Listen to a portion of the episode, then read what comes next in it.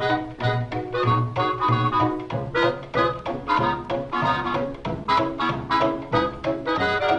och välkomna till Historiepodden. Jag skrev en inledning till det här avsnittet som blev alldeles för lång, så den sänder vi inte ut här, men den ligger i feeden för Grimbergs utvalda. Det där kan ske ibland i podden, att eh, vi klipper bort något sjok för att få avsnittet lite mer effektivt. Och då har vi börjat lägga ut det för Grimbergs utvalda eller de respektabla medborgarna. Så om du också vill höra min pladdrande inledning samt slippa reklamen, ja då kan du bli del av församlingen. Sök efter Historiepodden Plus eller tryck på länken i avsnittets beskrivning. Och på tal om församlingar och medlemskap. En gång fanns det bara en kyrka i Sverige. Idag finns det många. Orsakerna till det här, väckelsen, det är faktiskt en avgörande förändring i modern svensk historia. Den allra första demokratiseringen kanske man till och med kan tala om. Och idag ska vi kolla på de avgörande seklen 1700 och 1800-talet med fokus på just detta. Det ser jag fram emot. Nu kör vi!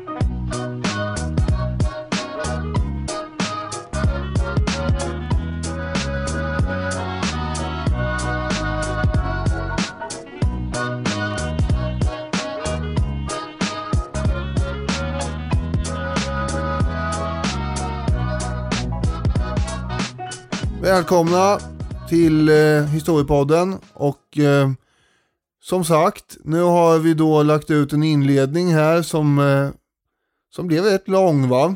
Ja. Men som var, eh, det var väl värd att lyssna på eh, ändå tycker jag. Ack. Och, eh, jo, ja, men det visste, det fanns ju, det fanns ju kopplingar här på något långsökt sätt som jag, jag skulle vilja haft en kamera också på dig när du satt och skrev det här eller, eller ännu hellre eh, någon form av eh, ingång i din hjärna Mm. se hur synapserna slog ihop med varandra och Mm. skapade den där. Ja, det var Ron DeSantis och det var Florida och Disney och väckelse och grejer. Ja, där, där har vi det. Mm. Och apropå väckelse då, Mm. så är vi där vi ska prata om här nu. Mm. Min eh, ingång i detta är ju egentligen då mer av ekonomisk art. Jaha, är det din uppsats du ska prata om nu igen? Jag ska inte prata så mycket om den, men jag vill ju nämna då att alltså när man läser om det här igen nu så kommer det ju även alla de här, eh, framförallt ur internationellt perspektiv då, de här eh, protestantiska och reformerta rörelserna och hur de då eventuellt Mm. skapade en eh, arbetsamt flit, vilket gjorde att eh, den ekonomiska kapitalismen fick ett svung i de här länderna. Och det här är ju en idé då som i sin tur sen har ifrågasatts. Ja, vi borde säga. kanske göra ett avsnitt om det någon gång, för, för som sagt, det här är ju eh, ett perspektiv som det finns en, eh, en livlig debatt kring. Ah, livlig Ja. är nog att ta i. Det har den väl inte, den var tämligen olivlig rätt länge. Men eh, den har funnits under 1900-talet. Ja, Om jag förstår avgränsningen rätt, som jag kanske inte helt kommer hålla mig till, så är det fram till 1858 du har bestämt att någonstans där omkring i alla fall när det så kallade konventikelplakatet eh, avskaffas. Där avslutas det här avsnittet egentligen då enligt dig. mm, det här avsnittet heter ju Den svenska väckelsens gryning.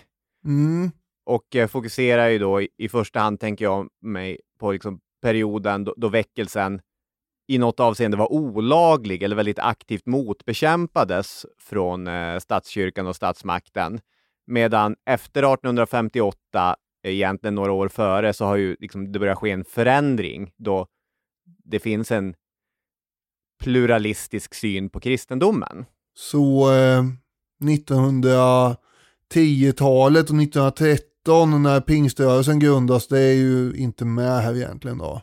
Nej, och liksom eh, för väckelsen och frikyrkorörelsen blir ju den första och en av de viktigaste folkrörelserna också i den verkliga demokratiseringen av Sverige. Och eh, det kan man ju också prata mer om i framtiden. Jag tar upp det här eftersom eh, jag antar då att 1980-talet inte heller är med. det, det, det beror ju på vad du vill ha sagt om 1980-talet känner jag. Ja men eh, det är väl inget särskilt men eh, jag kommer ihåg hur förvånad du och alla våra flickvänner blev när jag och en annan kompis eh, annonserade med stor självklarhet att vi hade varit med i en sån här pingströrelse när vi var små. Ja, Ni satt med hakorna ner i, i golvet och bara tittade på oss som att det, vi var någon slags, jag vet inte vad. Men, men man fick ju göra massor med kul grejer. Det var ju inte bara att man satt och bad utan det var ju innebandy och sånt också. ja. Så jag vill bara påpeka att jag har haft någon form av tå i den här eh, rörelsen som, eller en del av rörelsen som kommer ur det här så att säga. Ja, och är man eh, född i 1980-talets Sverige, som jag och du är, så är det nog många som har haft det. Jag har varit med i EFS scoutrörelse. Jaha, där ser man ja. Där var det väldigt lite, eh, inte så många böner och, och så, utan man fick mest lära sig göra upp eld och Ja, men det är bra grejer. bär och sånt. Men eh, det var ju också en, en frikyrklig eh, aktivitet såklart. Ja, och då ska vi väl dyka in i sådana aktiviteter på den tiden man inte fick hålla på med dem. Ja, hur trevligt det än är att dela gamla frikyrkominnen, två stycken luttrade sjöbjörnar emellan, så ska vi kanske ta tag i avsnittet. Ready to pop the question? The jewelers at BlueNile.com have got sparkle down to a science with beautiful lab grown diamonds worthy of your most brilliant moments. Their lab grown diamonds are independently graded and guaranteed identical to natural diamonds, and they're ready to ship to your door. Go to BlueNile.com and use promo code LISTEN to get $50 off your purchase of $500 or more. That's code LISTEN at BlueNile.com for $50 off. BlueNile.com code LISTEN. Burrow is a furniture company known for timeless design and thoughtful construction and free shipping, and that extends to their outdoor collection. Their outdoor furniture is built to withstand the elements, featuring rust-proof stainless steel hardware, weather-ready teak, and quick-dry foam cushions. For Memorial Day, get 15% off your Burrow purchase at burrow.com slash ACAST and up to 25% off outdoor. That's up to 25% off outdoor furniture at burrow.com slash ACAST. I'm Sandra, and I'm just the professional your small business was looking for. But you didn't hire me because you didn't use LinkedIn jobs. LinkedIn has professionals you can't find anywhere else, including those who aren't actively looking for a new job but might be open to the perfect role, like me. In a given month, over 70% of LinkedIn users don't visit other leading job sites. So if you're not looking on LinkedIn, you'll miss out on great candidates like Sandra. Start hiring professionals like a professional. Post your free job on linkedin.com/people today.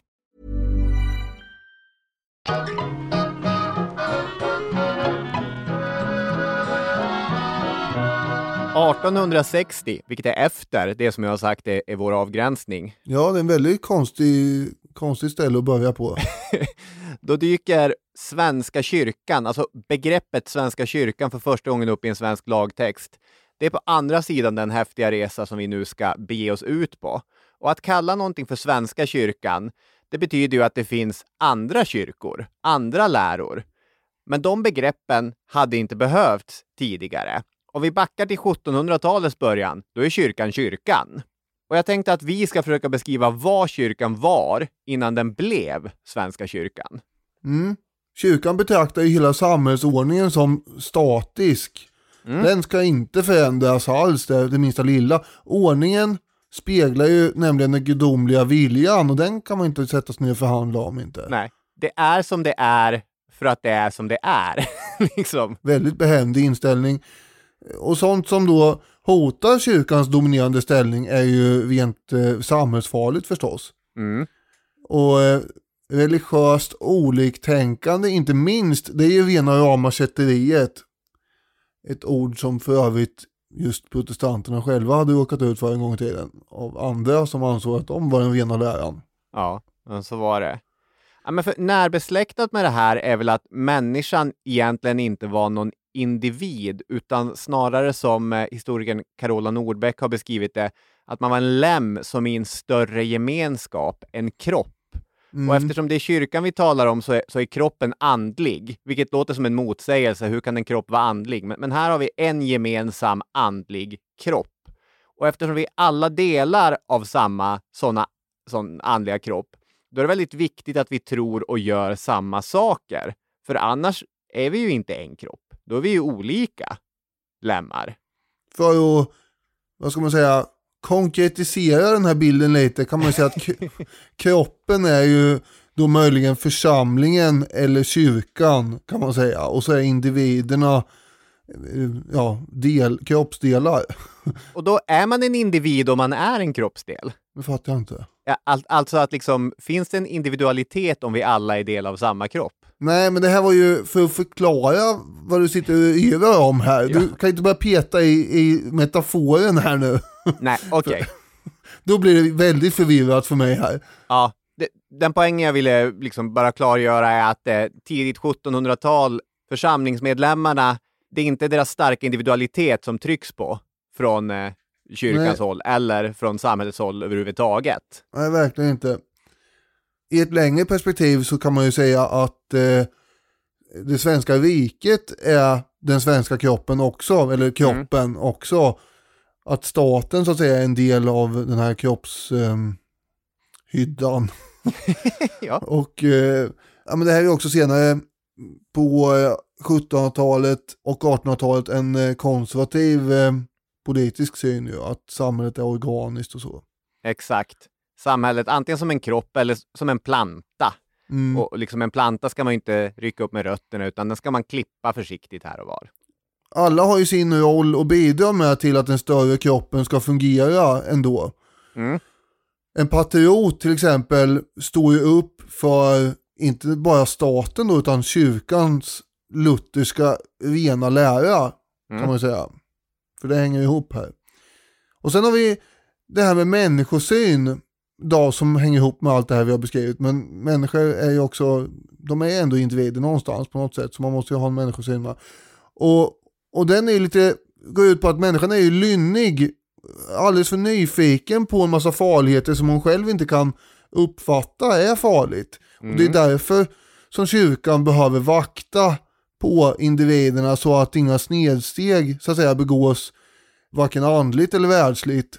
Och kyrkan leder ju då församlingen också på ett eh, väldigt patriarkalt sätt. Medlemmarna är, ja, men de betraktar sig lite grann som eh, hönor eller, eller snarare får kanske förresten. De behöver styrning, beskydd, undervisning och om församlingsmedlemmarna är får så är ju då prästen förstås herden som vallar de här, Ja. den här församlingen. Så kan man säga. Nu har jag jobbat mig fram till, till någon form av bondgårdsmetafor igen här, men ja. Och det är ju inte alls dumt och det är också liksom, den gode herden är ju någonting vi väl känner igen från kristen metaforik. Ja. Sen har ju den lutherska kyrkan förstås monopol på all religionsutövning här. Vi pratar ju tidigt 1700-tal och 1600-talet är självklart. Mm. Det ansågs ju vara en förutsättning för statens maktutövning i sin tur, att religionen var enhetlig. Just det. För på 1600-talet, vilket i början av 1700-talet inte var så länge sedan, så hade man ju krigat som galningar om just den här religionen och rättigheterna att få vara lutheran och så vidare. Ja, Så är det ju.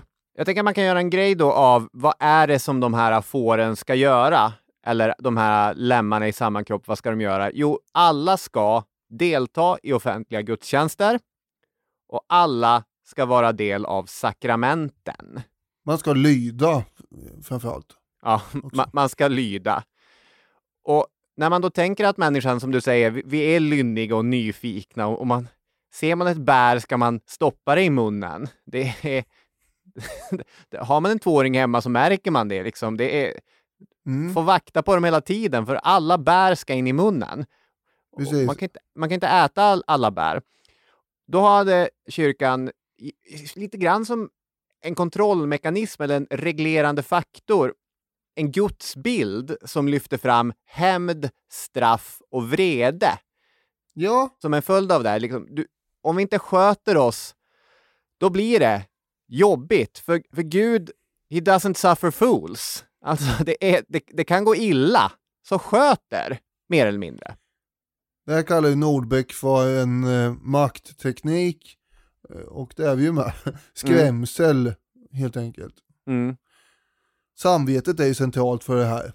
just det. Det vill säga, alltså man kan aldrig undkomma sitt samvete där också Gud har tillträde. Ja, Och det, det här kommer ju för övrigt då de här väckelserörelserna spela på ännu mer sen då förstås. ja, det är fullt blås där. Men samtidigt som det fanns den här grejen inom kyrkan, det som blir den svenska kyrkan, så, finns ju också såklart en slags jämlikhetstanke eftersom vi alla faktiskt är lika mycket värda inför Gud. Och den världsliga ordningen som vi nu ska, ska upprätthålla, den är ju egentligen sekundär eftersom vi lever i köttet ett kort ögonblick och, och evigheten, ja den är ju evig helt Mm. enkelt. Och mycket viktigare.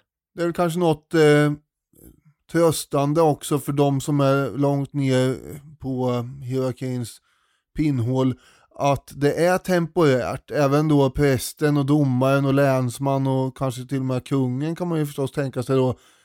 De eh, sitter ju där temporärt va. Även om positionerna kanske är eviga i den världsliga kulissen så kommer ju de här människorna också att hamna, de kommer med att dömas till slut Mm, och efter samma måttstockar just det. i princip. Ja, det är väl tröstande. Det, det måste vara tröstande. Ja, på något plan är det väl det.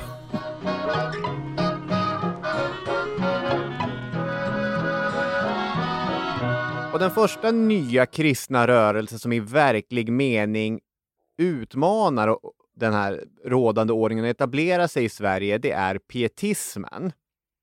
Och det brukar sägas att den följer med de tillfångatagna karolinerna från Poltava tillbaka, de som fick komma tillbaka, det vill säga.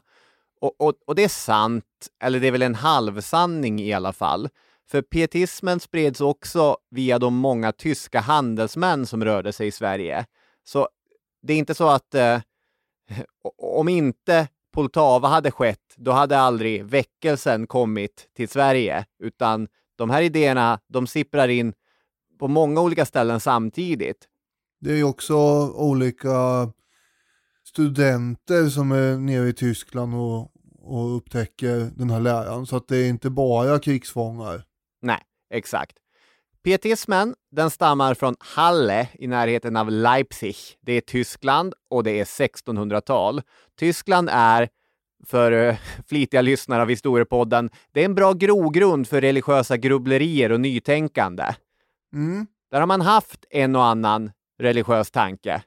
Men, som jag var inne på, de här krigsfångarna från Poltava, de spelar ju också roll. För av de drygt 30 000 fångar som togs efter Poltava så hamnade flera i staden Tobolsk. Det ligger i västra Sibirien, norr om Kazakstan på en modern karta. Och i den kyrka man där byggde, där lästes pietistiska skrifter. Och man fick god kontakt med den tyske teologen och pietisten August Hermann Franke som skickade både ekonomiskt medel som skulle hjälpa de här krigsfångarna att bygga kyrkor samt nya texter som eh, man kunde läsa. Och Franke, han är en av de två tyska farbröderna som brukar tillskrivas epitetet pietismens grundande, eller i alla fall förgrundsfigurer. Filip Jakob Spener, tror jag den andra hette.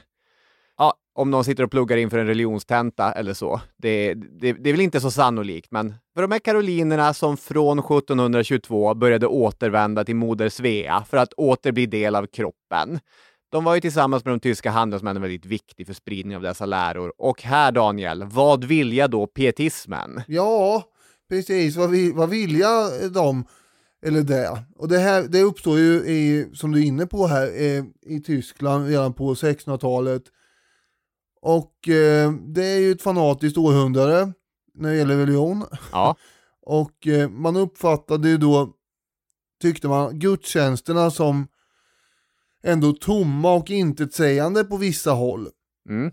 Det fanns ett glapp, upplevde vissa, mellan eh, hur livet levdes och vad man eh, hörde predikas i kyrkan. Alltså, det var ju mycket superi och spel och dobbel och horerier och allt möjligt, men man fick höra helt andra saker eh, predikas och det tyckte man ju var lite märkligt det här då. Så pietismen är ju egentligen systemkritisk kan man Mm. säga. Motsvarigheten är väl då studenterna på Himmelska fridens torg kanske, eller de som eh, anföll Bastiljen, eh, även om de var mer våldsamma då. ja det, det är ingen Ja. dum jämförelse, nå- någon av dem. Jag gjorde det här, det är konstigt, vi har spelat in podd i tio år och ändå så liksom nickar jag eh, som att eh, lyssnarna ska fatta, "Nej, men nu gör Daniel en bra poäng, nu, då, då nickar Robin lite så tydligt. Ja men det ger ju mig råg i ryggen i alla fall att jag känner att jag är lite rätt ute. Ja. Men för att komma ur det här att eh, man befann sig i eh, någon form av eh, nästan hyckleriglapp där det predikades en sak men många levde på ett annat så skulle man då be och hålla på med bibelstudier och så satte man igång med det i mindre grupper utanför kyrkans regi alltså. Mm. Och det är där som, det är där skon klämmer då. Pietismen, ordet kommer från pietas eh, på latin då som betyder fromhet. Just Det det. Att man är väldigt, ja man är gudsfruktig och, och sådär. Och eh, du har ju beskrivit då hur pietismen tog sig till Sverige under 1700-talet här ändå tycker jag. Ja, men, men den centrala punkt som, som du är inne på, men jag ska förtydliga det bara. Ja, gärna. Ja. Individen och Gud och den relationen spelar helt plötsligt roll. Och det här är ju ett kraftigt brott mot den kollektivism som ditintills rådit inom kyrkan. Och det i sin tur är ju då hotande för den här samhälls och, och gudsordningen som vi byggt upp. Och det här får ju dessutom följder för pietisternas gudsbild. För om det är så att relationen mellan mig, en, en vanlig människa, kanske till och med en individ, en lekman, om jag har rätt att ha en personlig relation med Gud, då får jag ju en annan gudsbild än den här stränga och avskräckande som det tidiga 1700-talets kyrka hade. Min Gud är både snällare och strängare. För det här det är en förståelsen och kärlekens Gud. Mera ömsint, skriver Carola Nordbeck. Men man ska inte hotas till att lyda och tro. Men samtidigt är Gud på ett sätt strängare här. Hon skriver Pietisternas Gud krävde en lydnad som gick ändå till botten av människans innersta. Mun, hjärta och händer skulle ständigt vara riktade åt samma håll. Den troende människan kunde inte gömma sig bakom trosbekännelser och kyrkogång. Att bara gå till kyrkan och sätta sig i bänken och, och, och ta sitt oblat och, och sippa på vinet, det var en död tro. liksom, det räcker inte. Tron ska vara levande, den ska kännas i, i själen, i människan.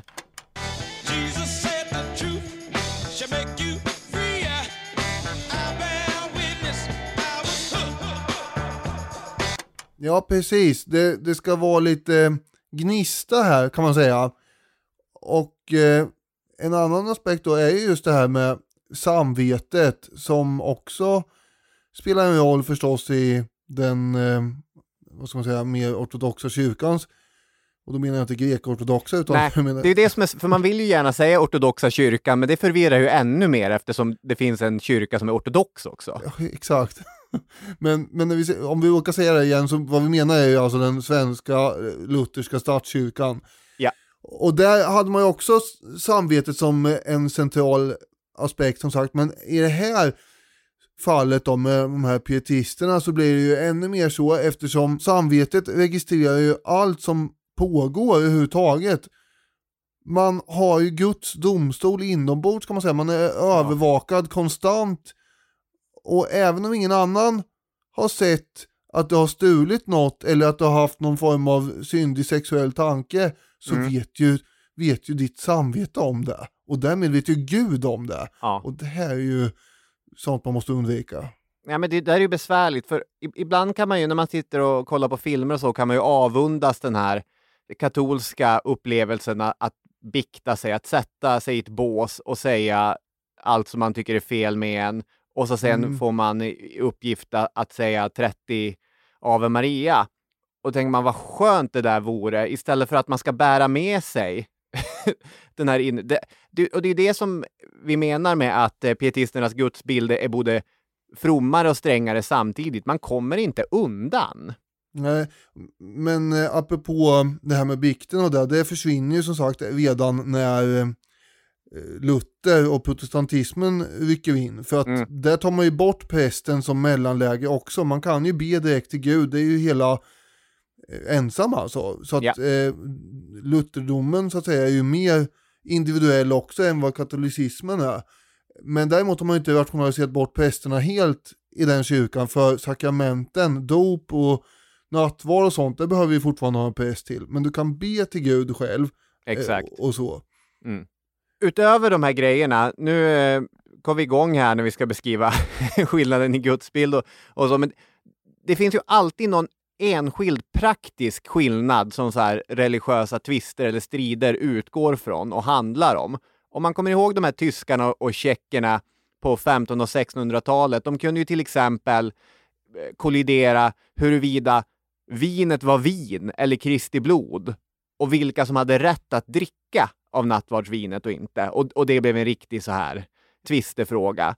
Och de, den enskilt största och tydligaste tvisten och skillnaden mellan pietisterna och eh, den gamla kyrkan, det var ju lekmännen. Att pietisterna tyckte att prästerna behövdes inte. Det här mellan, eh, även om man får be direkt till Gud så har vi ändå prästen som någon sorts mellanhand. Det behöver vi inte. Gud finns inte i kyrkan, inte i prästkåpan, utan Gud finns i, i våra känslor och våra liv, ibland barn och ibland familj och ibland den gemenskapen vi har, vi som delar en och samma tro. Så, så här gudstjänster och så, och sakrament, ja, det räcker ju att man har möten hemma hos varandra och, och läser och, och begrundar och, och, och delar gemenskap. Mm. Antiklerikalism kan man kalla det, om Just man det. vill använda eh, fikonspråk. Ja, det är ju det är svårt att säga antiklerikalism. Precis. Det kunde ju som sagt vara så nämligen att lekmännen till och med var, om de trodde innerligt och hade läst på, vilket man kunde göra, då var man ju mer påläst och kunnig än en prästvigd herre nödvändigtvis var. Mm. Och eh, då fanns det ju ingen anledning att eh, just prästen skulle vara den som höll i saker och ting som sagt. Är det som när man stöter på en elev som man märker, shit, han eller hon kan det här bättre än vad jag kan. nu, nu får jag vara försiktig här. Ja, är det verkligen exakt samma sak? För det kan inte vara så vanligt ändå hoppas jag. Eh, Men eh, visst, i vissa områden kan ju det hända. Jag tänker mer att jämförelsen är relevant mellan, eh, vad ska man säga, lärare som har eh, legitimation och eh, obehöriga lärare. Ja, Eller? absolut. För där kan det ju finnas mycket kunskap i en obehörig lärare ändå, men den är inte liksom helt okej enligt någon form av lag. Ja, det, ja, där finns också någonting. Det var du som började Ja. med det. Eh, hur som helst, pietisterna fokuserar mycket på barnuppfostran ju. Det var i barndomen som människans moraluppfattning formades och därför är ju det det som är det viktiga, inte ceremonierna eller prästerskap och sånt. Det gäller att leva kristet i sina handlingar och kontakter med andra så att det ska Mm. påverka ens eh, hur man beter sig helt enkelt. Just det.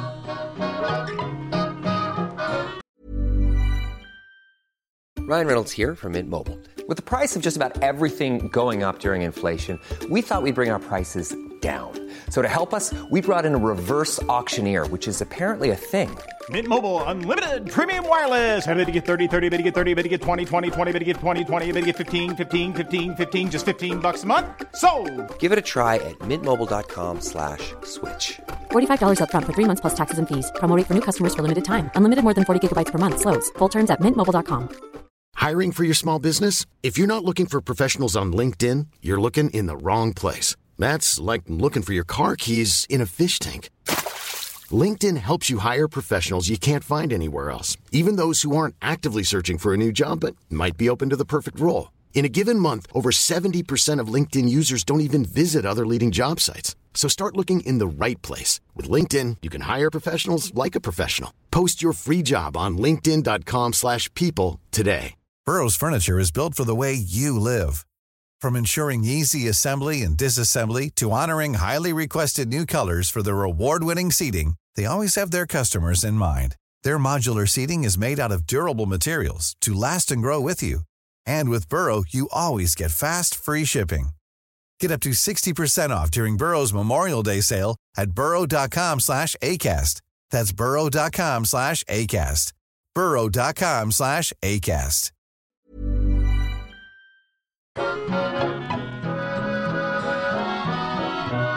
Hör och häpna, det här, allt det här gillar inte kyrkan.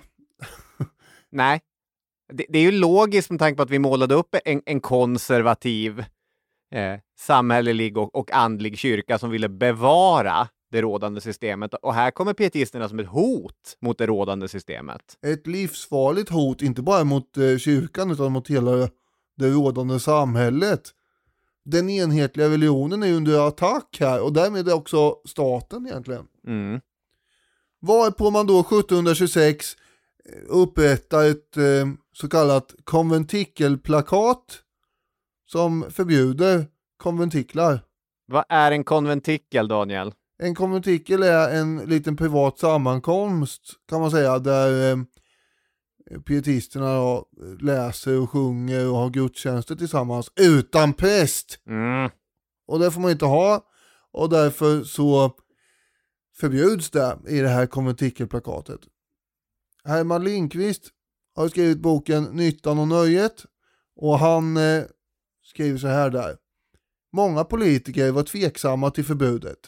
Carl Gustaf Tessin menade att det var märkligt att man tillät människor att supa, dansa och spela kort på krogarna men samtidigt förbjöd dem att gå hem och läsa bibeln tillsammans. Mm. Och där får man ju säga att eh, CG, vår gamle vän, har, har eh, fått eh, korn på något va? Han har Ja. något på spåren här.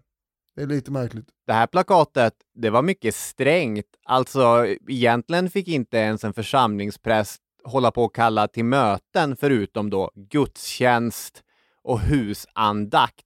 Någon sorts allmän religiös diskussionsklubb fick du inte dra igång bara för att du var präst i kyrkan heller, utan här är det var sak på rätt plats, ordning och reda, gudstjänst på söndag. Ja, det är nästan som att Alfons Åbergs pappa kunde ha sagt det här. Ja, eller hur? Brott mot konventikelplakatet kunde leda till eh, stränga böter förstås och hade man inte några pengar då blev det istället fängelse, kanske upp till tre veckor minst. Och det kunde bli bra mycket mer som vi ska se snart. Det kunde också leda till att man blev utvisad ur landet Mm. om man begick eh, flera övertramp så att säga. Några som fick känna av de här hårda straffen var de så kallade gråkoltarna. I början av 1730-talet. Det var en pietistisk sekt som höll till på Södermalm. De eh, började i våningen hos en Anna Maria van den Avelen. Mhm. Hon var en- änka efter en holländsk kopparstickare som hade gjort plåtar åt Erik Dahlberg bland annat. Och i början så var det ju pigor och andra fattiga som samlades där hemma hos henne och så läste de och predikade för varandra och höll på. Några hade syner som de delade med sig av och eh, alla var de totalt övertygade om att de levde i tidens slut och snart skulle undergången komma. Och det gällde också att avstå alla sina världsliga ägodelar och därför sålde de ju allt de ägde och så skänkte de det till fattiga. Och så klädde de sig i vadmalskläder istället och gick runt i det. Och det var väl det som gjorde att de blev kallade gråkoltar. Det låter mycket troligt. Mm, det var sjavigt värre där. Då har vi en eh, herre som heter Sven Rosén. Det var en eh, ung student som kom från en fin och välbärgad bakgrund ändå. Han drogs in i den här svängen kan man säga. Och eh, Herman Lindqvist skriver då han genomgick en snabb förvandling hos den allt mer extrema gruppen. De kritiserade honom för hans pråliga klädsel. De tvingade honom att eh, undan för undan göra sig av med symbolerna och tecknen för sin samhällsklass och världsliga läggning. Det första offret var värjan. Det gick lätt. Så var det peruken. Den satt länge kvar, men så åkte den av. Det var ett djärvt steg, för nu kunde alla hans vänner se att han avvek från mängden. Sedan rök silverspännena på skorna, uppenbarligen till hans egen stora lättnad. För han skriver, och hade sedan frid och frimodighet hela dagen. Återstod bara det sista och avgörande steget. Han måste klä sig helt i vadmal som alla andra i gruppen. Det var så de visade sig i gränderna. Mm. Och eh, kyrkan och myndigheternas reaktion mot de här avvikarna var ju totalt obarmhärtig. En av de ledande kvinnorna som hette Anna Gustavsdotter, hon spärrades in på spinnhus, vilket då var ett slags kvinnofängelse med tvångsarbete där man fick sitta och spinna garn Mm. så länge och så mycket som möjligt. Mm. Rosén blev ju landsförvisad. Han hamnade ju i Tyskland. Nej, han hamnade till slut i USA, men det är dit jag ska. Ja, absolut, men han hamnar först i Tyskland där Ja. han liksom går från att vara pietist till att, vara, till att dras till herrnhutismen och så sen hamnar han i, i Pennsylvania.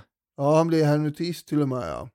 En av eh, de här kvinnorna som eh, de jagade reda på, för de jagade reda på flera av de här förstås och försökte spärra in dem men de sa att vi har inte fått order av Gud att jobba så vi tänker inte göra det.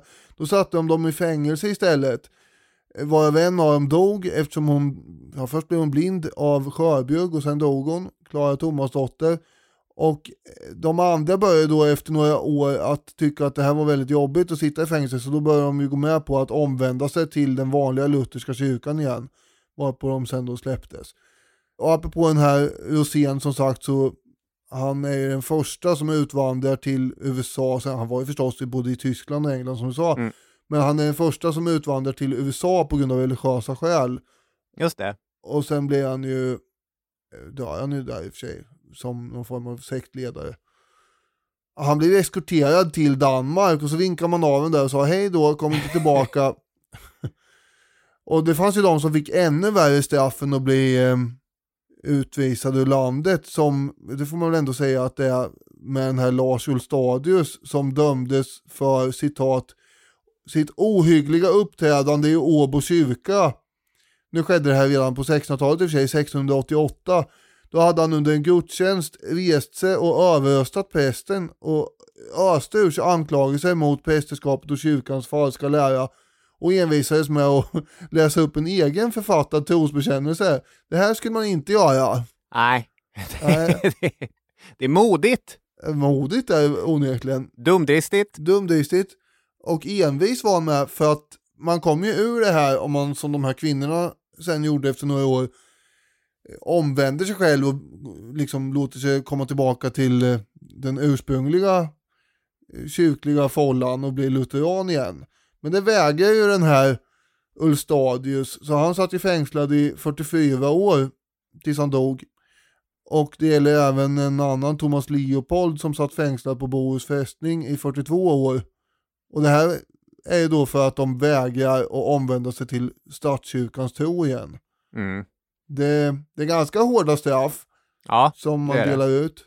Det är också under den här perioden som den lutherska kyrkan inför begreppet konfirmation. Den hade ju funnits, fanns ju förstås eh, på andra håll än i Sverige innan, men det är också till då för att man ska kontrollera att befolkningen är troende på rätt sätt helt enkelt. ja, just det. Konventikelplakatet det utrotade ju inte pietismen i Sverige, men det verkar ha haft en rätt stark liksom, hämmande effekt för att motverka dess spridning. Mm.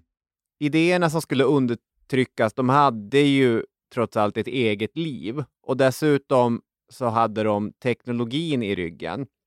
Som alltid när vi pratar om religiösa idéer under tidig modern eller modern tid så, ty- så man måste nästan spåra det tillbaka till Gutenberg. Det är där man hamnar. Den här floden av bläck som hade runnit över Europa och gjort Luthers rörelse möjlig. Som Mm. hade förvandlat Sverige från katolskt till protestantiskt. Pietisterna kunde också trycka egna texter, visade det sig. Det visar sig att de kunde det. Ja. Och människor, ja, de lärde sig ju läsa också och då är det jäkla svårt att behålla ett monopol på idéer. Det är ju sådär med tekniska evolutioner. Jag menar internet kan man också använda för en himla massa olika syften. Ja, kan man. Det fanns ett viktigt undantag från konventikelplakatet och det var att eh, när lagstiftarna kollade på Norrland så såg de det är, det är stort alltså. Och så sen så började man pricka ut vart kyrkorna låg och märkte det är, många har långt till kyrkan. Vi kan inte lämna de här stackars norrlänningarna helt till vargarna. Så därför så hade man legal rätt att om man inte kunde ta sig till kyrkan för gudstjänst så fick man ha byaböner. Och vad är skillnaden på en byabön och en konventikel? Ja, det, det är något av en definitionsfråga. Och Norrland kommer också mycket riktigt eh, bli en, en sällsynt rik flora när det kommer till eh, väckelserörelser, vilket eh, många forskare tror hänger ihop med att eh, konventikelplakatet egentligen inte gällde i norra Sverige. Med samma osvikliga förmåga som Daniel har när han har chansen att ta med det antika perspektivet så kan ni lita på att jag alltid kommer ta mitt ansvar som Norrlands korrespondent på allvar. För läseriet som väckelserörelsen som delvis förvaltade arvet från pietismen hette, den var särskilt stark i Norrland. Och det betyder givetvis inte att det inte fanns i resten av Sverige eller så. Men ändå, det fanns många läsare i norra Sverige. Norrlänningarna hade dels undantaget från konventikelplakatet till sin hjälp. Dessutom så fanns en struktur som ofta påverkar den norrländska historien. Avståndet. Genomgående så har avståndet till statsmakten varit både en förbannelse och en välsignelse. Kontrollmekanismerna var svårare att genomföra i stora och glest befolkade trakter. Vem ska ha koll på vad någon präst gör längst uppe i ingenstans egentligen? Eller prästen, det kan ju vara en lekman också. Och det där kan man också märka i att eh, ett par av de mer uppseendeväckande väckelsepredikanterna, när de blir utkastade från Uppland eller liknande, då promenerar de norrut, där man har lite större friutrymme från eh, polisiär och, och, och kyrklig makt, helt enkelt. Det här är väl ändå en jämförelse som fortfarande fungerar eftersom visst är det så att det vimlar inte av, det kanske är en fördom, men det vimlar väl inte av poliser uppe i Norrland som jagar hembrännare till exempel. Just det här hembränneriet, det, det är... Ja, vi tar bort det ur ekvationen Nej. om du stör på det. Nej, nej men det, för det jag vet, där är ju svårt att säga hur mycket som bara är liksom en idealbild och inte. Men det, det är klart att det, det, det är glest med poliser i, ja, i glesbygd överhuvudtaget. Men i Norrland är stort och det bor människor här och var, inte så många alltid. Och eh, ringer man och säger att nu är det någon som stjäl min moppe här och Mm. eh, någon stackars polis ska åka 15 mil från närmsta polisstation. Man kommer hinna undan till och med på en otrimmad moppe då. Ja, precis. Det räcker med att fly på moppen. Inte säkert att det kommer en polis i Stockholm om jag ringer för att någon snor en moppe heller, men, men det är en annan fråga. Ja, Stefan Gelfgren, docent i religionssociologi, skriver i boken Ingångar till norrländsk kyrkohistoria så här. Att folk hade goda möjligheter till eget andaktsliv och man kan förstå att det var en svår gräns att dra mellan vad som var kyrkotroget och separatistiskt.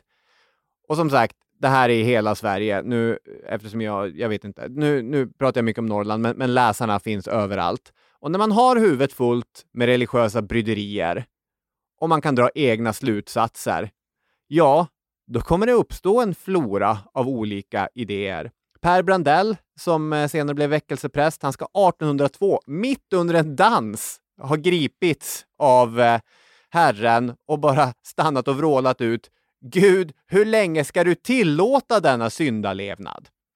Då har ju Per här, han har, han har fått eh, han har fått texter upplästa för sig och i hans samvete gnager den här, vad är den sanna tron? Och där på en dans 1802 kokar det över för honom. Så här kan man inte ha det. Så de väckta läsarna, de träffades och läste tillsammans. Det är därför det kallas läseriet. Och vad läste man då? Jo, man kunde läsa predikosamlingar. Det kunde vara så kallade andaktsböcker. Allt eftersom fler biblar blev tillgängliga kunde man också läsa direkt ur Bibeln, men eh, biblar var dyra. Man behövde inte ha biblar för att vara läsare nej, eh, får jag komma med lite kort fakta här bara? Ja, det får du. om, om eh, det här med, med bibleriet. Det var ju så att eh, det fanns en massa olika bibelspridarsällskap som under 1800-talet ser till att man ska ha tillgång till biblar. Och nu fanns det annat att, att läsa men biblar var ju som sagt väldigt, det var ju dyra grejer. Det är dyra saker. Och Alfons, han har bara två femkronor. Så det är först på 1880-talet som i princip alla svenskar har en bibel hemma och då kan man Mm. jämföra det med 1812 då bara 4% av befolkningen hade en psalmbok ens hemma. Mm. Så eh, biblar kommer ju att tryckas och spridas i en eh, kolossal omfattning under 1800-talet. Och det är en stor skillnad på början av 1800-talet och slutet på 1800-talet i tillgång Verkligen. till biblar. Slut på inflikning för tillfället. man börjar tänka på den här, jag tror att det var en frikyrklig rörelse, det, det måste det ha varit, men eh, som på 60, 70, 80-talet, eh, den het, jag tror att den hette Biblar till kommunisterna, eller Biblar till öst, som gick ut på att man skulle samla ihop pengar från olika, jag vet inte, pingstvänner eller liknande ute i landet och så sen skulle man skeppa biblar på, till andra sidan järnridån. Mm. Det låter ju lite som ett eh, dödfött projekt. Ja, jag vet inte hur. Jag tror inte att det är en av de viktigaste orsakerna till att Nej. järnridån till sist föll. Man kan säga att det, det fanns lite grovhugget två olika riktningar inom läseriet. Gammelläseriet och nyläseriet. Gammelläseriet var mer pietistiskt och nyläseriet, man föredrog Luthers skrifter. Sen kunde lojaliteten mot Svenska kyrkan se lite olika ut. Vissa nyläsare var ganska trogna den, liksom, eh, den, den gamla kyrkan medan vissa tyckte att den var död. Separatistisk kallas de varianterna av nyläsare. Det är ett ord man ändå gillar. Överlag tyckte man inte om kyrkans nya skrifter inom läseriet. Katekesen från 1810, ja, den var inget vidare. Kyrkohandboken från 1811, vi är inga fans. Men den där fina psalmboken som kom 1809 då? Tråkig! Det, det ville man inte läsa. Nu läser vi Luther tillsammans allihopa. Så, så det är en rörelse som samtidigt är radikal i sin vilja till förändring, men också konservativ. Alltså man kan nästan lockas att dra till med ett ord som reaktionär i vilken förändring man vill se. Det är, vissa av läsarna tyckte alltså att vi ska bara läsa det Luther skriver. Vi går direkt till Luther. Och, och här är ju, här är ju, det är ju lekmän som, som fritt utforskar religionen och, och skapar en gudsbild och, och bara ty- det här tycker jag om att läsa. De här nytryckta texterna från kyrkan, nej, jag gillar inte. Det fanns också ett antal andra skrifter som lästes på olika håll i Sverige och som var mycket, mycket spridda. Och vi har till exempel Johan Arns bok Den sanna kristendomen som trycktes i över 30 upplagor. Den var mycket populär inom pietistiska kretsar. Vi har britten John Bunyans Kristens resa, The Pilgrim's Process, som är en av världslitteraturens mest översatta och spridda verk. Det här var en 1600-tals farbror som hamnade i fängelse under engelska inbördeskriget och där skrev han om eh, sin kristna resa. Det handlar om frälsning egentligen. Eftersom den är tryckt och översatt på så många språk så, så är det ju en känd bok. Men det är väldigt sällan som man i, i, vardagen tänker ja, John Bunyans bok om frälsning. Det är ju en av världslitteraturens mest spridda och lästa verk. Nej, det är nog säkert eh, 15-16 år sedan jag tänkte på den faktiskt. Ja. Var det när du skrev din uppsats? Ja, precis. Den, eh, den stötte man ju på då. Och då är man ju lite nöjd att man överhuvudtaget känner igen det här när det dyker Ja. upp igen. För det är ju inte självklart som sagt. Nej. Nej, det är snyggt. Det, det ska du ha. Men eh, det fanns ju annat med som var med i den här tiden. När du säger att nu, och så ska vi prata om läsarna också, då tänker jag, eller tänkte att eh, då, då är allt som är tryckt är med i den punkten så att säga. Ja. Och, då tänker jag också att då måste ju Johan Olof Wallin nämnas här. Eftersom eh, han då såg till att eh, publicera psalmboken från 1819 som kallas just Wallin-psalmboken. Han var ju ledare för psalmbokskommittén. Mm. Det var den som nyläsarna tyckte var sådär. Ja, du sa 1809, så då tänkte jag att det var någon annan, men det här är 1819 då. Men det kanske var den då. Ja, jag menade 1819. Sa jag något annat så, så sa jag fel. Ja, men det var ju ett jädra sätt att tycka att den var sådär. Det är ju en, eh, det är ju eh, mustig, eh, eh, saltad psalmbok här, men han är ju en evigt vurmande romantiker. Och det här är ju, apropå spridda verk, så är det här världens mest spridda romantiska diktsamling för kören. Ja. Och det säger ju en del, för han, eh, han, han använder hela tiden ord som sol och soluppgång och det är formuleringar som när dagen gryr är ständigt återkommande. Han har ju skrivit alltså 150 av den här psalmbokens 500 psalmer själv. Och sen har han ju satt ihop de andra och det är därför som den kallas för Wallinsalmboken. Mm. Och eh, Göran Hägg, han skriver ju Ännu min generation, han är född 1947, har svårt att höra den vackra Din klara sol går åter upp utan starkt obehag. Minnet av morgonbön, läxförhör och hemanmärkningar får glädjens ljud i texten att låta närmast ironiskt.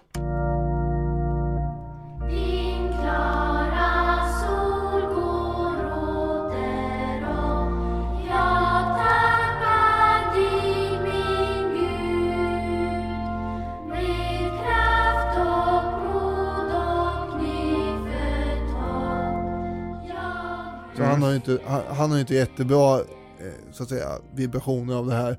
Nej, han Men är inget väl- fan. Det har väl inte med själva psalmtexternas eh, innehåll att göra som allt annat som det kopplas ihop med och kanske som läxförhör och sånt där. Nu för tiden så kanske inte psalmtexter är det mest spridda men på 1800-talet så fick det ju stort genomslag allt det här och enligt Hägg så påverkar det ju hela vägen upp till eh, svensktopps eh, texter med olika typer av rim och sånt där. Ja, det tror jag. Alltså, Ja, det dels är ju Göran Hägg är ju litteraturvetare, litteraturhistoriker kanske man kan kalla honom i grunden. Det är hans bästa gren. Mm. Men det, det påverkade svenskan språkligt enormt mycket.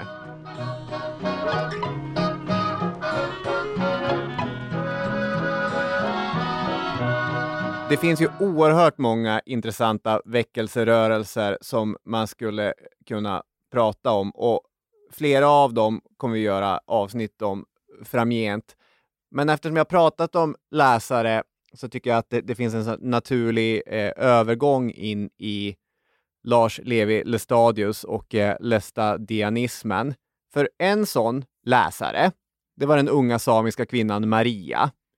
Hon hette inte Maria, egentligen hette hon Milla, apropå, Alfon, och, al, apropå Alfons, eh, som Alfons kompis. Hon var född 1814 och hade levt ett prövande liv. Hennes pappa blev ihjälslagen när Maria var fyra år gammal och Maria hade senare lämnats hos en alkoholiserad morbror. Så Maria blev en vandrare och en läsare. Nykterheten är ju också ett typiskt inslag i väckelsen. Det plockar Ja. de inte från Luther, men eh, ändå. Nej, för det är ju Peter, eh, Peter Wieselgren som sprider massa propaganda mot alkohol på 1830-talet som leder till att nykterhetsföreningar bildas inom församlingarna till och med här va. Och det i sin tur leder till att just det här med hembränning, husbehovsbränning förbjuds 1855. Just det. Får jag säga någonting om eh, Martin Luthers eh, förhållande till alkoholen? Du får säga hur mycket du vill om det. Åh, vilken, vilken, vilken lucka som öppnas här. Äh, men, eh, Martin Luther älskade den ölen som hans fru Käthe bryggde. Det, det ska man inte glömma bort att Luther, han levde ju det här ganska ja, delvis härliga livet där han satt med sina kompisar och arbetskamrater och översatte Bibeln samtidigt som han mumsade på mustig korv och surkål och det sköljde man ner med en maltig öl, ville gärna Luther ha. Det finns fler bevarade Luther-citat där han recenserar öl, ju maltigare desto bättre, än vad det egentligen finns Luther-citat där han prisar arbetets värde. Trots att eh, det är vad vi tänker är att vara luthersk. Så kan det vara. Eh, nykterheten kommer ju snarare från kalvinistiska tänkare, men det hade ju hög igenkänningsgrad hos många människor i det utfattiga svenska 1800-talet eftersom folk i stor utsträckning söp ihjäl sig. Ja, den här mysiga bilden av Luther som äter surkål och dricker, eh, vad heter det, smarrig öl. Den skär sig ju lite mot, eh, ja den skär sig ganska mycket mot stupfulla hustrumisshandlare på 1800-talet som eh, lever i misär. Får man ju Ja. säga. Så att Oh det ja. behövdes ju en uppryckning när det gällde synen på alkohol tror jag i mitten på 1800-talet. Ja, verkligen. Och eh, att eh, väckelserörelsen mycket tydligt tog avstånd från supandet var nog en sak som tilltalade många av eh, de, de väckta också. För superiet överallt drabbar ju människor som Maria. Och det var inte något av de ämnen som kyrkan tyckte om att ta i. ortodoxin gick till sin Luther och sköt därför ner allt snack om nykterhet, vilket gjorde att det uppstod ännu ett glapp mellan kyrkan och de väckta, mellan den levande och den döda tron. Varför skyddar kyrkan krögarna när krögarna bara sabbar människors liv? Och då kommer vi till Lars Levi Stadius som är en av eh, den svenska kyrkohistoriens mest intressanta personer, tycker jag. Inte bara för att eh, vi är i Norrland. Han var kyrkoherde i Karesuando, ligger vid världens ände. På riktigt. Så långt norrut som Karesuando ligger tänker man knappt att Sverige når. Lestadius var samisk på mödernet, men med en svensk suput till pappa. Begåvning fanns dock inom familjen och flera av syskonen Lestadius eh, lyckades eh, mot alla odds få riktigt bra utbildning. Halvbrodern Karl-Erik, han fick stipendiat för begåvade samepojkar, vilket öppnade vägen för gymnasieskola i Härnösand och sen studier i Uppsala. Han blev präst och botaniker. Det blev för övrigt lillebror Lars också. Även minstingen Petrus fick chansen till studier. Han skulle bli lappmarksmissionär och egentligen en av de personerna som mest formerar 1840-talets skolväsende för samer. Men det som jag vill berätta om, det är 1844. Och då hade alla bröder utom Lars Levi dött bort.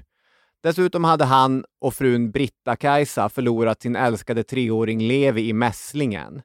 Huset är dränkt i sorg. De var tvillingar. De här treåringarna hade hela tiden sprungit sida vid sida och spridit ljus i huset. Det är oerhört sorgligt den, den här saken. Han skriver om att det enda som ger honom någon sorts ljusning, det, det är tanken på hur den lilla treåringen kommer komma springande på stranden i, i evigheten sen och, och ta emot mor och far. Man fattar att, det, att man blir omskakad av sånt. Framförallt när man har barn i samma ålder, liksom, då helt plötsligt blir det väldigt lätt att leva sig in i, i, i Lars Levi Lestadius förutsättningar. Sen blev han dödssjuk på det och var nära att stryka med innan han repade sig. Så krisande och letande så hamnade han i Åsele 1844 där han träffar den här läsaren Maria. Då skriver han i sin självbiografi. Här är nu en Maria som sitter vid Jesu fötter. Och nu först, tänkte jag, nu ser jag vägen som leder till livet. Den har varit fördold tills dess jag fick tala med Maria. Hennes enfaldiga berättelse om sina vandringar och erfarenheter gjorde så djupt intryck på mitt hjärta att det ljusnade även för mig. Så efter det här så började Lestadius häftigt attackera kyrkan och den döda tron. Hur kunde det vara så att citat tjuvar, horor, fyllehundar, krögare, bedragare och svärjare kunde vara äkta lutheraner så länge som de gick i kyrkan och uppfyllde sakramentens krav? Det här håller inte. Och Lestadius blandade den, eh, den mer traditionella svavelosande predikostilen med med ett ännu saltare språk. Han svor i kyrkan. Det var horbockar och allt möjligt där. Exakt. Folk var horbockar. Sluta vara såna horbockar. Men sen finns det här framåtsyftande budskapet om nykterheten och vikten av gemenskap inom församlingen. Han verkade ju i en trespråkig del av Sverige och hans förmåga att tala svenska, finska och samiska var ju såklart eh, avgörande en till sak som man kanske kopplar med så här frikyrkorörelser, svenska och amerikanska, det är, och jag kan inte prata finska, så jag säger likutuktsia, rörelsen, alltså att den heliga anden intog folks kroppar och man började skrika eller ställa sig eller skaka eller så. Det finns ju en eh, relevant eh, poäng i också att han är ju, han är ju präst själv Mm. som sagt. Så att eh, han är ju en del av den så, så kallade inomkyrkliga prästväckelsen. Just det. Och det är en ganska stor del som eh, det handlar om. Där man alltså inte byter sig loss och skapar någon egen frikyrka nödvändigtvis, utan man är en del av att omforma den eh, befintliga kyrkan kan man säga.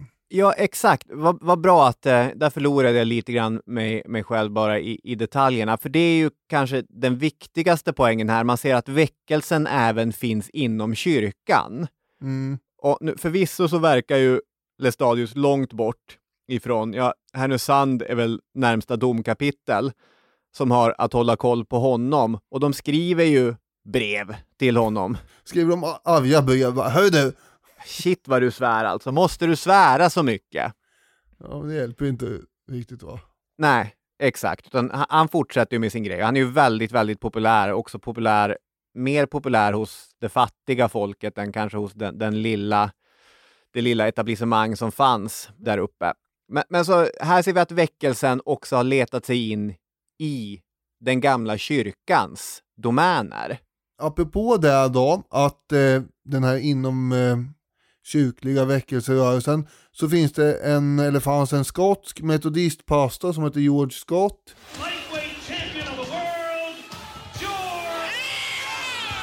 Som inte ska blandas ihop med boxaren.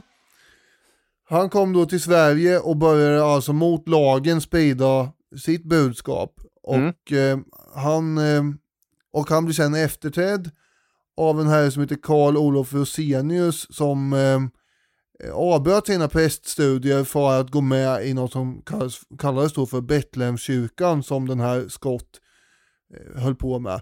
Eh, och, det här i sin tur blev den här eh, Rosenius ledare för 1842 och eh, han ger också ut sin tidskrift som heter Pietisten, väldigt tydligt namn. Ja, Och det är han, den här Rosenius då, som 1856 kommer att grunda den här organisationen Evangeliska Fosterlandsstiftelsen, IFS, som Mm. ungefär 130 år senare eh, huserar Robin Olofssons scoutrörelse som du var med i då. exakt. Ja. Och det är ju lite viktigt och relevant här då att eh, IFS inte är en frikyrkorörelse heller utan det är precis som den här Lestadius höll på med, det är en inomkyrklig rörelse men den, alltså den ingår i Svenska kyrkan men man tycker att vanliga lekmän också kan leda gudstjänster och man betonar den individuella relationen med Gud mer. Mm. Utvecklingen här kommer ju nu i mitten på 1800-talet att springa statskyrkan ur händerna ännu mer kan man säga. 1848 grundas då baptistförsamlingen i Halland och nio år senare så finns det 45 baptistförsamlingar som är så många så de kan hålla en baptistisk konferens i Sverige från olika församlingar. Just det. 2000 medlemmar har de då, när de har Mm. 45 församlingar där. Där kan vi snacka om brott med kyrkan. Man ska inte tvångsdöpa barn. Vänta här nu. Det, Det är det vi gör. det, är det, vi, det är det som är grejen. Vi döper våra barn. Så att, de, eh, så att de är med i klubben så fort som möjligt. Exakt. Men eh, baptisterna menar ju istället att man ska göra ett medvetet och förståndigt val i vuxen ålder. Och eh, de blir också döpta av eh, folk som inte är präster i den svenska kyrkan. Och folk som inte är präster i alltså statskyrkan får ju inte döpa. Det är ju det är en svår brottslighet som man ägnar sig åt här på 1800-talet. Mm. De som lät sig döpas i vuxen ålder, de eh, åtalades som brottslingar och sen i många fall tvingades de ju utvandra för att komma undan. Och det var ju nu som Sverige började få allt fler emigranter på grund av religiös förföljelse. Ja. Och under hela 1850-talet så kommer ju antalet rättegångar med religiösa åtal explodera. Och dels använder man ju då konventikelplakatet från 1726 som eh, åtalsgrund, men också andra lagar som jäckeri med sakramenten, som det hette. Ja. Det kallades det om man som lekman delar ut nattvard eller höll på att döpa andra, det fick man ju inte göra. Jäckeri är ett kul ord. Ja, Ja, men, och det, som du säger, det är ju många väkta som, eh, som emigrerar. Det känner vi dels till från eh, Vilhelm Mobergs utvandrarsvit såklart, men vi känner också till det från historien. Och flera sådana intressanta exempel skulle man kunna återkomma till i, i framtiden. Erik Janssons Erik Jansare i, i Hälsingland som, som sticker och bildar ett mycket intressant, eh, en sekt är det ju, eh, utanför Chicago. Tänker att vi ska göra ett helt avsnitt om en vacker dag. det låter spännande. Mm. Det var ju just dopet och nattvarden som kyrkan försökte försvara sin rätt till hårdast. Det vill de absolut inte kompromissa med. Nej. Ja, ja, det finns en massa andra åskådningar här och sånt där, men det är ingen annan än en prästvigd i våran kyrka som ska hålla på att döpa folk eller dela ut nattvard i alla fall. Och det var ju så att hade man inte tagit nattvarden av en prästvigd präst så räknades man inte som så kallad vittnesgill eh, av eh, staten alltså. Nej. Och var man inte vittnesgill så fick man inte skriva under några dokument. Nej. Tekniskt sett man alltså, fick alltså inte, man var ju omyndig i princip. Ja. Här kan man inte gå, nu sprang väl inte folk och låna pengar av banker hur som helst på den här tiden, men man kunde ju inte göra någonting egentligen om man inte hade den här vittnesgillheten. Det är som att vara utan bank-id idag. Du kan inte sjukanmäla Ja. barnen till skolan eller...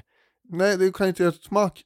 Och ungefär, ungefär så, det är också helt sinnessjukt egentligen att det fungerar på det viset.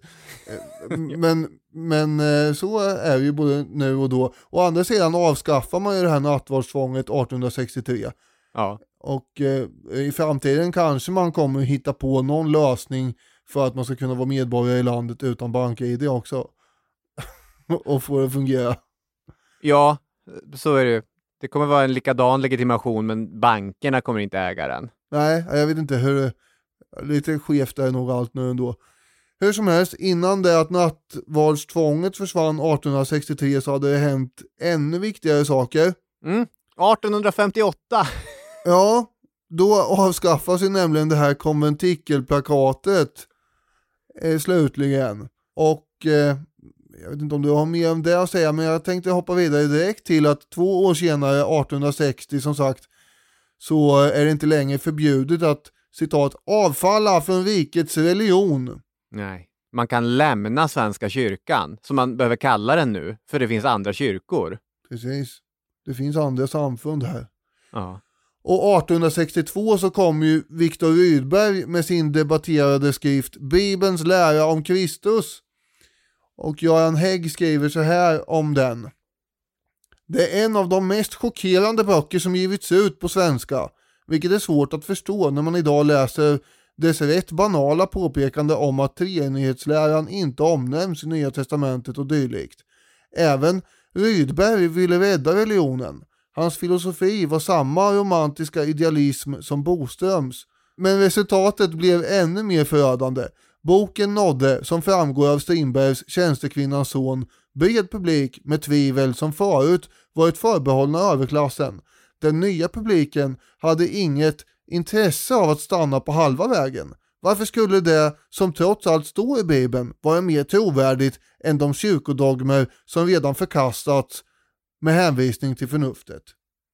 Ja, så eh, alltså för här har vi en massa dogmer som man då säger inte stämmer. Det hade ju man sagt redan med Luther, att eh, de här idéerna med helgon och eh, Avlatsbrev. och allt det där och kanske till och med helvetet, vem vet. Att det, eftersom det inte står med, det, det kan vi liksom glömma, det är bara det som är i Bibeln som gäller. Ja. Och nu då när Viktor Rydberg kommer och förklarar det här för en bred allmänhet som är läskunnig och allt så börjar kanske en del av dem tänka, jaha, just det, men varför ska vi då tro på det som står i Bibeln när inte det andra gäller heller? Nej. Och då får vi alltså tecken på att kyrkan inte bara tappar anhängare till andra trossamfund utan också att själva religionen börjar tappa anhängare. Mm. En eh, form av sekularism som börjar försiktigt inträda kanske. Och sen har vi då det här med dels de här lagförändringarna, konventikelplakatets avskaffande, debattinlägg som Rydbergs och andras.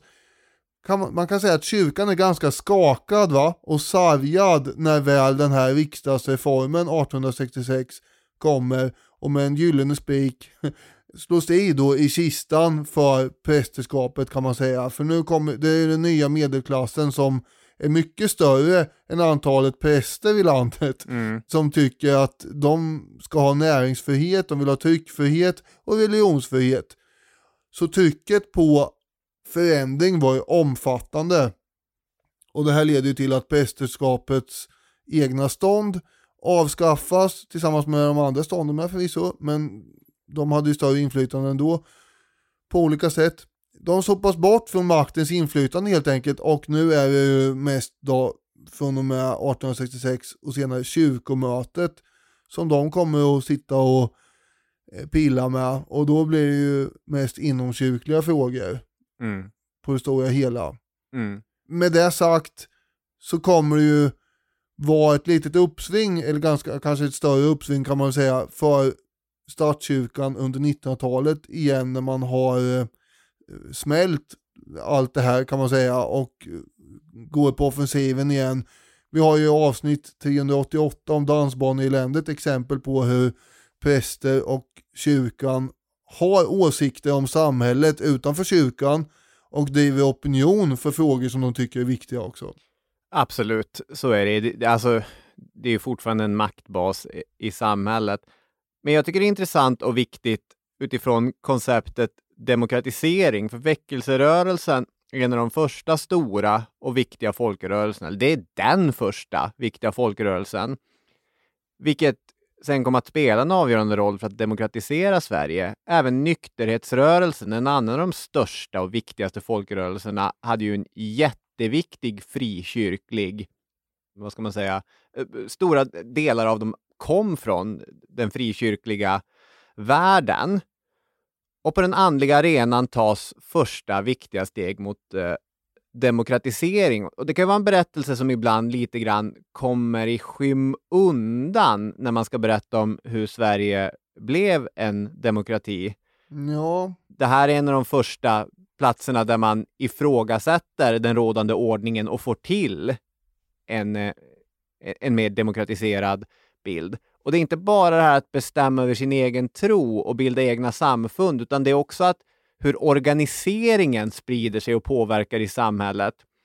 Utan att begrava mig helt i det, men 1879 när hela sågverksindustrin i Sundsvall går i spontan strejk samtidigt, det finns inga fackföreningar ibland arbetarna där. Vad som finns är frikyrkor och nykterhetsförbund. Så liksom den organisering som finns kommer inledningsvis från det hållet. Mm. Ja, som du sa, det kommer ibland i skymundan för annat. Den här eh, påverkan som eh, väckelserörelsen hade på demokratisering och nykterhetsrörelsen och allt möjligt. Mm. Och det tycker ju då den här eh, kyrkohistorikern Joel Halldorf eh, har ju varit på eh, och delvis hyllat oss lite. Men 2017 var han ju också ute och sa att även vi så att säga glömde bort de här bitarna lite grann och det var mest att kyrkan var en skurk i regel.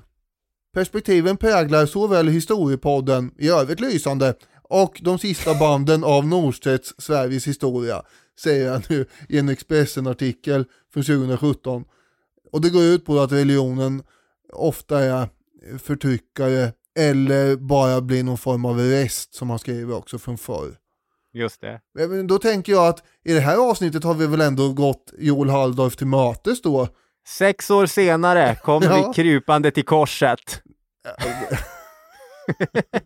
Ja, alltså jag tycker ju att vi har gjort väldigt många avsnitt med religiös eh, så att säga, koppling som är väldigt bra. Så jag är, det är inte det jag är mest missnöjd med i vår eh, så att säga, katalog.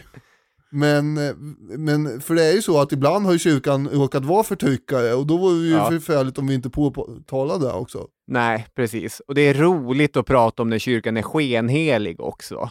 Det är något roligt med det.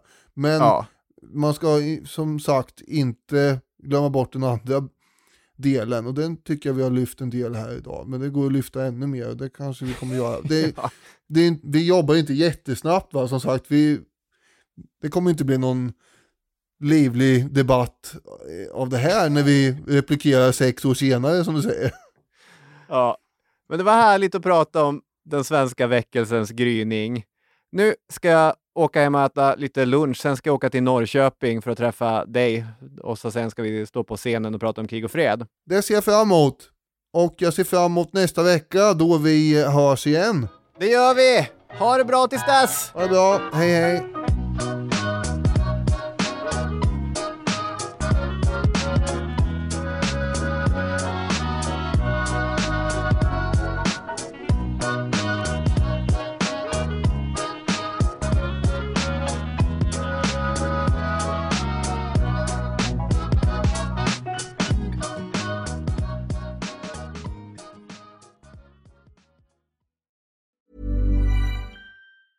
Even when we're on a budget, we still deserve nice things.